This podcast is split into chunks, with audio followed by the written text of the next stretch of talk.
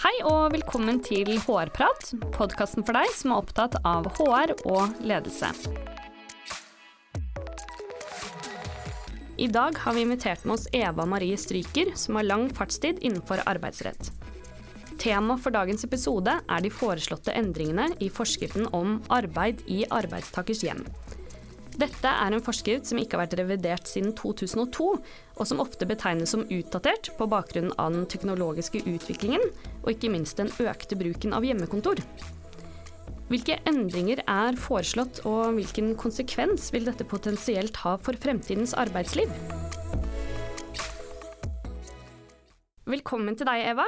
Du har jo gjestet HR-prat tidligere. Men kan ikke du gi en liten påminnelse til våre lyttere om hvem du er?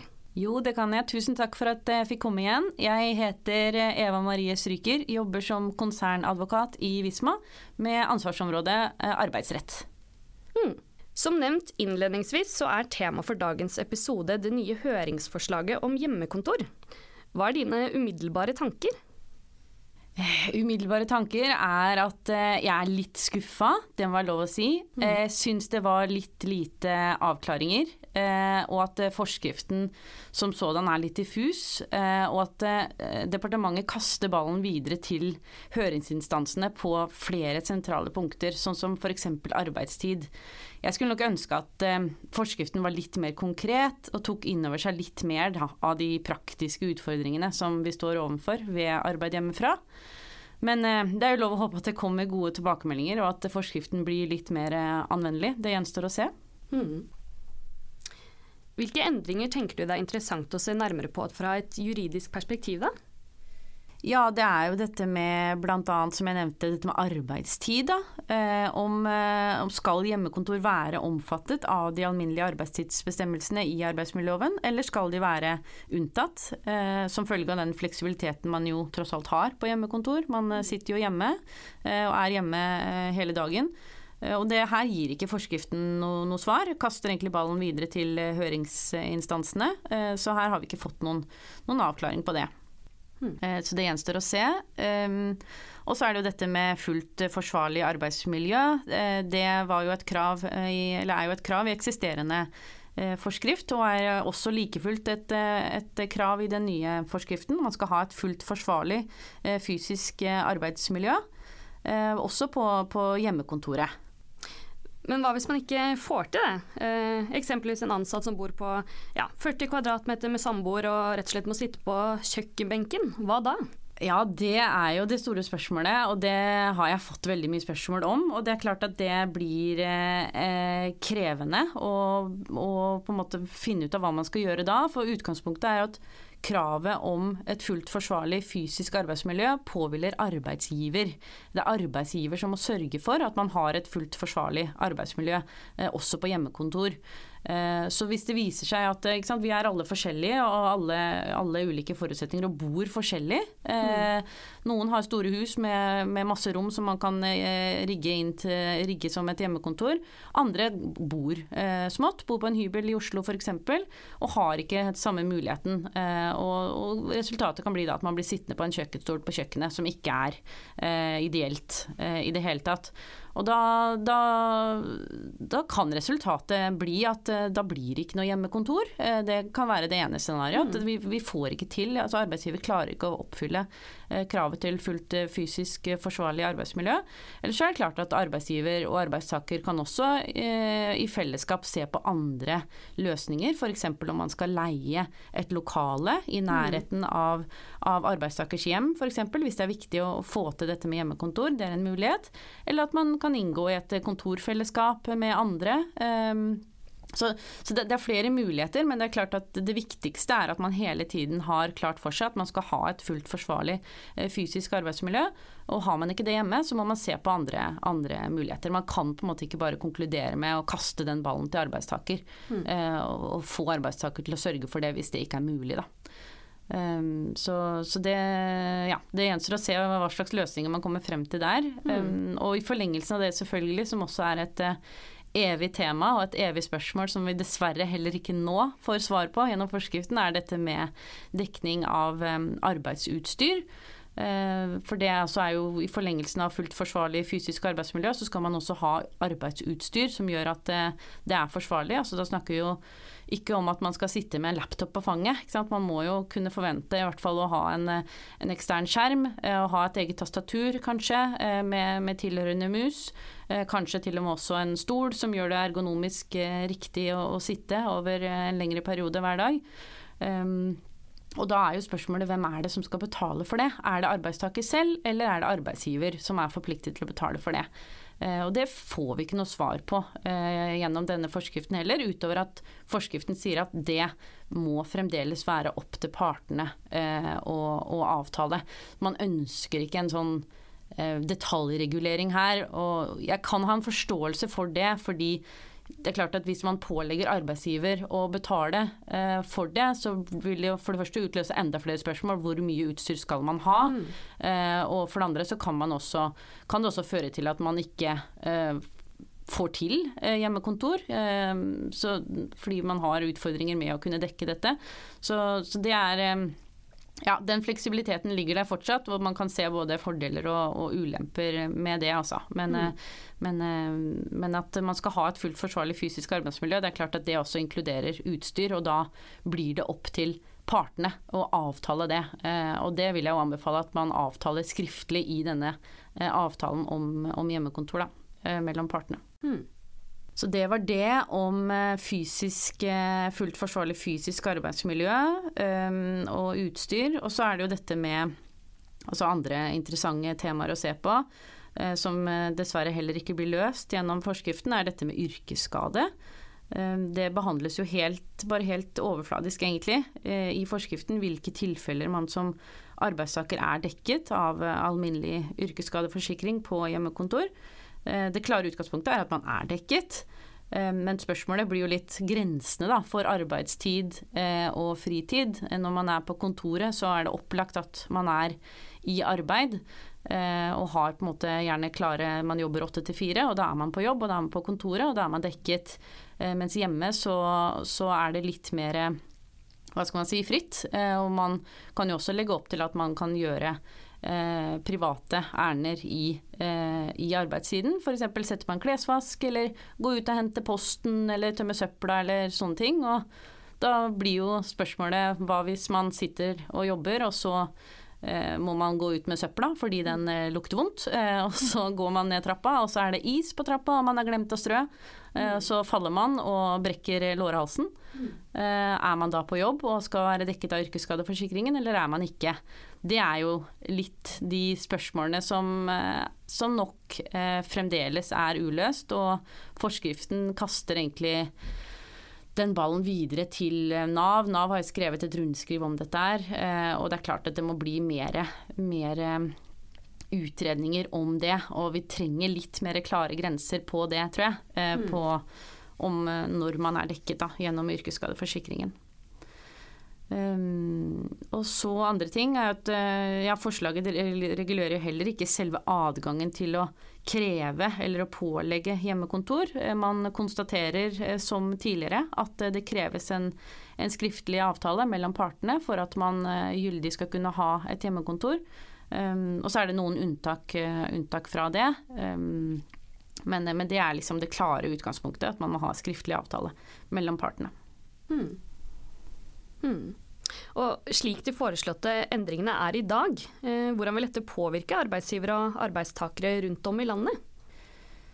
Det blir jo litt synsing på nåværende tidspunkt. Det er fortsatt litt eh, tidlig eh, mm. å si. Eh, vi har nå hatt denne pandemien hvor vi har eh, sett eh, hvordan det har gått, og sett at det i de aller fleste tilfellene har gått bra. Men det, det, blir, det er vanskelig å si hva fremtiden bringer på akkurat dette med hjemmekontor. Eh, men det som i hvert fall er klart, er at det vil fremdeles være opp til partene å avtale flere sentrale punkter. Eh, herunder om det faktisk skal være en hjemmekontorordning, eh, og rammene og omfanget for, dette, for, for hjemmearbeid. Da. Så er det et nytt, som jeg syns var interessant, et nytt og sentralt punkt i forslaget, er jo at Arbeidstilsynet skal nå ha myndighet til å føre tilsyn med bestemmelsene i forskriften. Det har de ikke i, i nåværende forskrift. Eh, og Det er klart at det gir jo ekstraarbeid for Arbeidstilsynet, helt opplagt. Men det påvirker nok også arbeidsgiverne til å være, hva skal man si, sitt ansvar bevisst hva gjelder dette med overholdelse av forpliktelsene. Særlig da kravet til, til fullt forsvarlig arbeidsmiljø. Og så, um, ja, så, åpnes det jo opp for unntak da, for skriftlige avtaler, som jeg var inne på i stad, eh, i helt sånne ekstraordinære omstendigheter. Forutsatt da at man har eh, at man må drøfte behovet for hjemmekontor med de tillitsvalgte. Den er ny. Eh, utgangspunktet før var at man, eh, man, måtte ha en skriftlig avtale, eh, hva skal man si, uansett. Og det er klart at det unntaket gjør vi at vi for fremtiden kanskje slipper å være litt sånn i limbo eh, i forhold til det rettslige grunnlaget for hjemmekontor. Eh, F.eks. dersom det skulle bryte ut en ny eh, pandemi, gud forby. Det er det jo ingen som ønsker. Men eh, det er klart at det har vært en utfordring for oss nå når vi, vi, kravet er skriftlig avtale, og så har man blitt pålagt hjemmekontor av arbeidsgiver fordi eh, FHI har pålagt det. Så blir det litt sånn krevende å, mm. å få til dette med, med, avtale og hva det rettslige grunnlaget er. Så det, det løser jo noe. Eh, så tror jeg nok at eh, i forhold til disse endringene og ny forskrift, så er det ganske klart, eh, i hvert fall for meg, at hjemmekontor er nok kommet for å bli. De aller fleste kommer nok, tror jeg, til å videreføre ordningen. Kanskje ikke helt, men i hvert fall delvis. At man har delvis hjemmekontor. Og at det kommer til å fungere greit.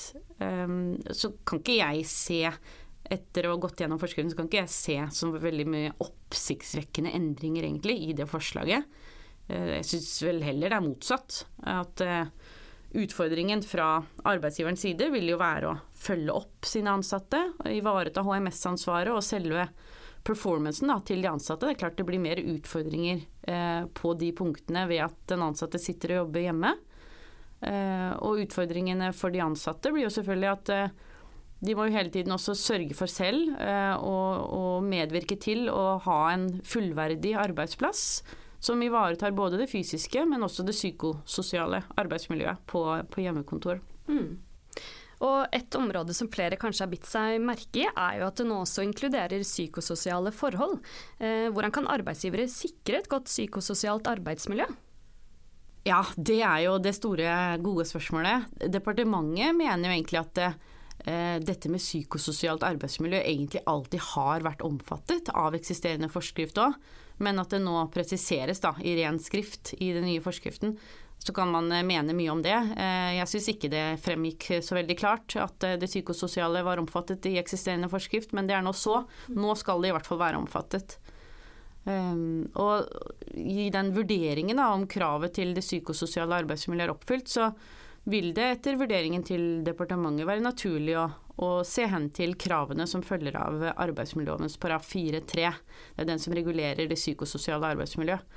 Eh, og også da krav om at arbeidet skal søkes utformet slik at det gir mulighet for kontakt og kommunikasjon, står det i paragraf 4-3, med de andre arbeidstakerne i virksomheten. Det er liksom cruxet eh, å få til. Og det er klart at det stiller jo ganske sånn omfattende krav altså, til arbeidsgiver. Og eh, det vil spesielt være utfordrende ved at eh, arbeidsgiver eh, vil jo ikke ha den samme kontakten med arbeidstaker. Mm. Og klarer, klarer, kanskje ikke å fange opp da, de utfordringene som er der knyttet til den psykososiale helse. Det er mye lettere å se det og catche det når man har en liksom daglig fysisk kontakt, hvis man kan kalle det det. Mm, absolutt. Um, og så, ja, hva med? Jo, altså nå som før så er det jo uh, ikke adgang for arbeidsgiver til å entre arbeidstakerens uh, hjem. Uh, her er man som arbeidstaker vernet av retten til privatliv, så det nytter ikke å på en måte kreve å banke på døra og be om å få komme inn og se hvordan du har det, verken for å overholde det fysiske eller det psykososiale arbeidsmiljøet. Så det er klart at det jo, kan jo være en utfordring. Ehm, men, men, det som i hvert fall er klart, er at arbeidsgiver må sørge for altså, å innta det psykososiale aspektet i sitt kontinuerlige HMS-arbeid. Eh, og iverksette tiltak og ha verktøy som, som gjør arbeidsgiver lettere i stand da, til å fange opp også dette aspektet med det psykososiale så bør man jo som arbeidsgiver legge opp til sosiale arenaer, tenker jeg. Sørge for at arbeidstakerne tar seg pauser, eh, får frisk luft, kanskje tar seg en gåtur midt i arbeidstiden. Eh, og at man i hvert fall får kontakt med omverdenen og får daglig kontakt med kolleger, tror jeg er veldig viktig. Eh, ved en, en, videreføring av hjemmekontor. Og legge opp til sosiale events, sosiale nettverksmøter eh, osv. Eh, og gjerne liksom spare litt med de ansatte, og gjerne de tillitsvalgte også.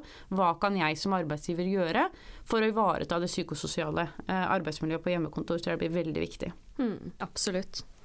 Og som vi snakket om, så er jo ingenting vedtatt enda, så det blir jo veldig spennende å se hva som faktisk blir besluttet. Så jeg tror nok du blir pent nødt til å ta en oppfølgingsepisode, Eva. Men eh, helt avslutningsvis, hva er det du håper blir utfallet utfall av dette høringsforslaget? Ja, jeg kan begynne med å si at jeg kommer veldig gjerne tilbake. Dette er bare hyggelig. Uh, um, men jeg håper jo at um, jeg håper jo at forskriften blir litt mer konkret, eh, og at eh, høringsinstansene ber om det. Eh, sånn at det blir lettere for begge parter i arbeidslivet å kunne forholde seg til, til regelverket. Og lettere å finne gode ordninger da, innenfor de, de rammene som, som vedtas. Altså, ja, at den er litt mer presis, med, med andre ord tenker jeg. Eh, og håper jeg at det, det blir. Det, mye av grunnlaget er lagt, men, men, jeg håper at den blir litt mer eh, presis for, eh, for, arbeidsgiver og arbeidstaker. Mm. Og så må jeg legge til at parallelt da, med, med, dette regelverksarbeidet, så, så, har departementet også igangsatt en større kartlegging, eh, hvor Oslo Met er gitt i oppdrag å undersøke omfang og utviklingstrekk og konsekvenser ved bruk av, av hjemmekontor. Um, og det prosjektet vil, skal jo da kartlegge utviklingen og konsekvensene for arbeidstakere og, og, arbeidsgivere gjennom 2021. Og siste målepunkt tror jeg er i februar 2022. Um, og denne sluttrapporten fra kartleggingen vil, tror jeg skal foreligge rundt eh, mars 20, 2022. Uh, ikke arrester meg på de datoene, uh, men jeg tror det er noe rundt der. Også STAMI, altså Statens arbeidsmiljøinstitutt, jobber jo også nå systematisk med en sånn kunnskapsoppsummering av forskning da, på hjemmekontoret. Det er veldig interessant mm. eh, å se hva de kommer med der. Eh, det er klart at disse Resultatene fra disse kartleggingene vil jo være med på å danne grunnlag for om man skal ha mer kunnskapsinnhenting på området, og også om det vil kunne påvirke de ulike bestemmelsene i forskriften. Da. Så det er klart at sist, Nå har vi fått dette forslaget. Siste ord er på ingen måte sagt. Eh, denne forskriften er ikke opplest og vedtatt. Tvert imot. Eh, så det gjenstår å se. Vi får følge med og se hva høringsinstansene kommer med, og så får vi se hva resultatet blir etter det. Mm. Tusen takk for at du gjestet eh, podkasten, Eva. Det har vært veldig interessant å høre mer om hva dette høringsforslaget innebærer. Tusen takk for at jeg fikk være med. Og til dere som hører på, vi prates. Hvis du har temaer eller spørsmål du ønsker vi skal diskutere, send oss gjerne en mail på hårprat.visma.com og for flere episoder, sjekk ut visma.no slash podkast slash hårprat.